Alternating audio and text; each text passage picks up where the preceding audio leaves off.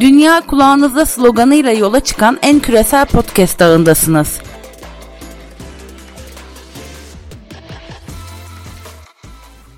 Herkese selamlar. Ben Adem. İran Podcast 5. yayınına hoş geldiniz. Bugün 8 Ağustos 2020. Bu yayınımız biraz kişisel olmakla birlikte yine İran'a alakadar edecek bir konu üzerine olacak. Geçtiğimiz hafta Akta Fabula isimli sitede İran'da 40 yılın ardından Sünniler isimli çalışmam yayınlanmıştı.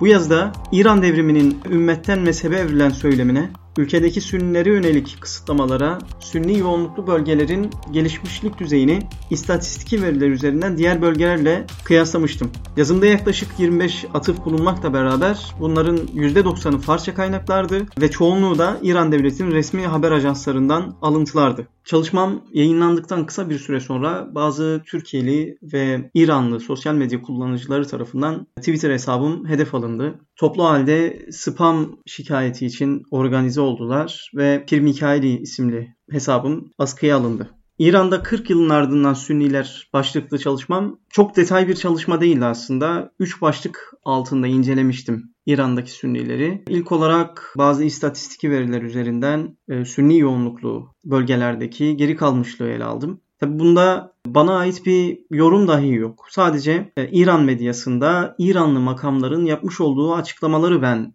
çevirdim sadece.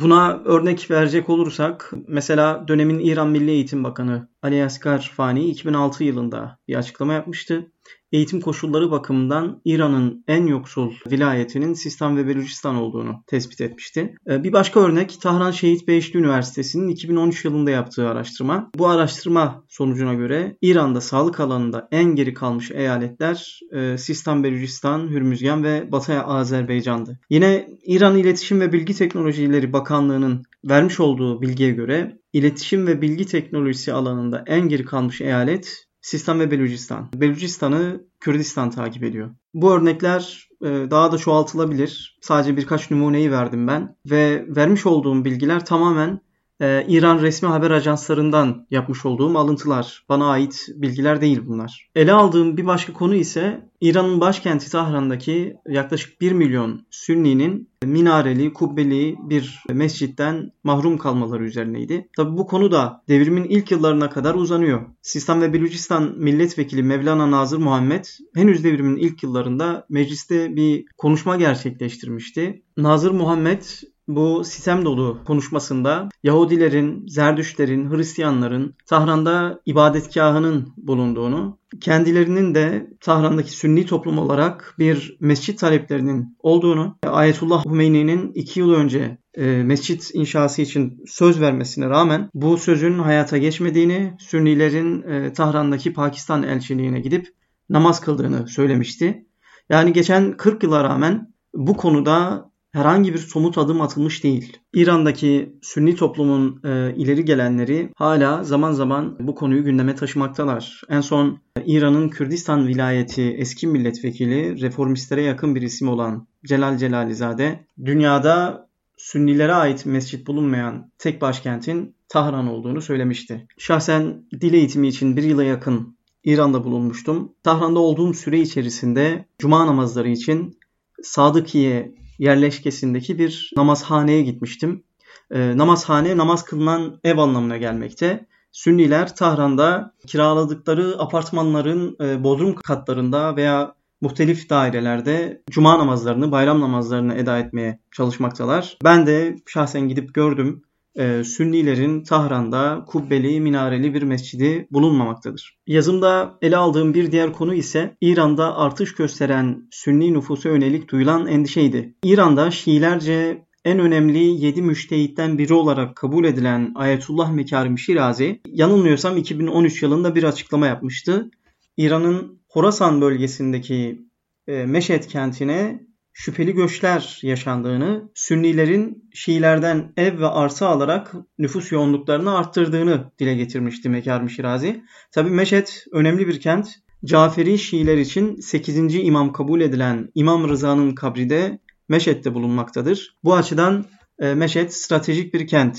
Mekarmi Şirazi'nin Bu sözlerine yanıt Mevlevi Abdülhamit İsmail Zehi'den gelmişti. İsmail Zehi diyebilirim ki İran'daki Sünni toplumun en önde gelen isimlerinden birisi. Ee, kendisi Sünni nüfustan ötürü endişe duyulmaması gerektiğini açıkladı. Ee, ehli sünnetin geçmişte de bu ülkede olduğunu, bugün de olmaya devam ettiğini, İran İçişleri Bakanlığı'nın raporlarına göre ülke nüfusunun %20'sinin Sünni olduğunu, bazılarının Şii nüfus artışına teşvik maksadıyla Sünnileri öne sürdüğünü dile getirmişti İsmail Zeyi.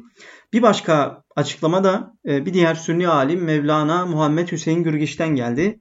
E, kendisi Şirazi'nin açıklamalarına cevap olarak İran'daki ölüm oranlarının en fazla olduğu yerlerin Sünni yerleşim merkezleri olduğunu, asıl kaygı duyulması gereken mevzunun da bu olduğunu söylemişti. Başta belirttiğim gibi bu yazımdan ötürü Twitter'da hem sosyal medya hesabım hem de şahsım ciddi şekilde hedef alındı. Önce Türkiye'li bazı hesaplar beni vahdet düşmanı ilan etti ve Twitter hesabıma spam saldırısı için çağrıda bulundular ve bu çağrıya da kısa sürede cevaplar geldi. Hesabım askıya alındıktan hemen sonra bazı İranlı hesaplar hakkında bir şeyler paylaşmaya başladılar. Parça paylaşımlarda bulundular. Benzer şekilde spam saldırısı için çağrıda bulundular. Hakkımda birçok çirkin ifade kullanıldı. Ee, en hafifi vahdet düşmanlığıydı. Yani burada söyleyebileceğim en hafif itham vahdet düşmanlığıydı. İran yanlısı profillerin beni vahdet düşmanı olarak ilan etmeleri ciddi bir çelişki yumağı. Eğer İslam dünyasındaki bir topluma yönelik kısıtlamaları, mağduriyetleri gündeme getirmek vahdet düşmanlığı olarak algılanacaksa o zaman hiçbir mağduriyetten, hiçbir mazlumiyetten söz etmemek gerekiyor. İran'daki Sünnilere yönelik kısıtlamaları anlatmamı vahdet düşmanlığı olarak gören şahıslar bakıyorum aynı gün e, mesela Nijerya'daki Şii din adamı Zakzaki'ye yönelik kısıtlamalara tepki gösteren paylaşımlar yapmışlar. Veya Bahreyn'deki Şiileri gündeme getirmişler. E, bu tam anlamıyla bir çelişki. Yapmış olduğum çalışmaya yönelik Twitter'da gelen tepkilerden birisi ise caminin Sünnisi, Şiisi mi olur? Tahran'da herkes aynı yerde namaz kılsın gibi ifadelerdi. Bu tür ifadeler de bir çelişkiyi barındırmakta. Çünkü benzer yorumlarda bulunanların profillerine baktığımda örneğin birisi Pendik'te bir cami fotoğrafı paylaşmış. Caferilerin Ehli Beyt Camisi diye. Türkiye'de Caferilerin, Sünnilerin ayrı ayrı camisi oluyor da e, Tahran'dan iyi olmasın. Yani Türkiye'dekilere hak görülen Tahran'dakilere de hak görülmelidir. Doğru olan da budur. Bu tahammülsüzlükleri, saldırganlıkları da anlayabiliyorum. Zira Türkiye'de anlatılan masallarla İran'daki gerçekler arasındaki tezatlar aşağı çıktıkça bazı kesimler ciddi anlamda rahatsızlık hissediyor. Asıl vahdet düşmanlığı Müslüman coğrafyadaki bir topluluğa yönelik hak ihlallerine tepkisiz kalıp bu ihlallerin duyurulmasına itiraz etmektir. Eğer gerçekten vahdet taraftarı olsaydılar dönüp beni sosyal medyada linç etmezlerdi bence. İran'daki makamlara seslenerek Sünnilere yönelik bu kısıtlamalar neden kaynaklanıyor diye sorarlardı. Bahayiler, Sünniler, Dürziler, Aleviler bu coğrafyada yaşayan herhangi bir topluma yönelik kısıtlama varsa, bir mağduriyet oluşuyorsa e, dönüp de bu mağduriyetleri gündeme getirene itiraz etmemek gerekiyor. Bu mağduriyetlere zemin hazırlayan sisteme yönelik bir itirazda bulunmak gerekiyor. Beni sosyal medyada linç edenler, beni hedef alanlar eğer samimilerse vahdet konusunda eleştirilerini İran'daki makamlara sunsalar gayet yerinde olacak diye düşünüyorum. Öte yandan beni hedef alan sosyal medya hesaplarını incelediğim zaman bu hesaplar böyle sıradan İran sempatizanı isimler değil.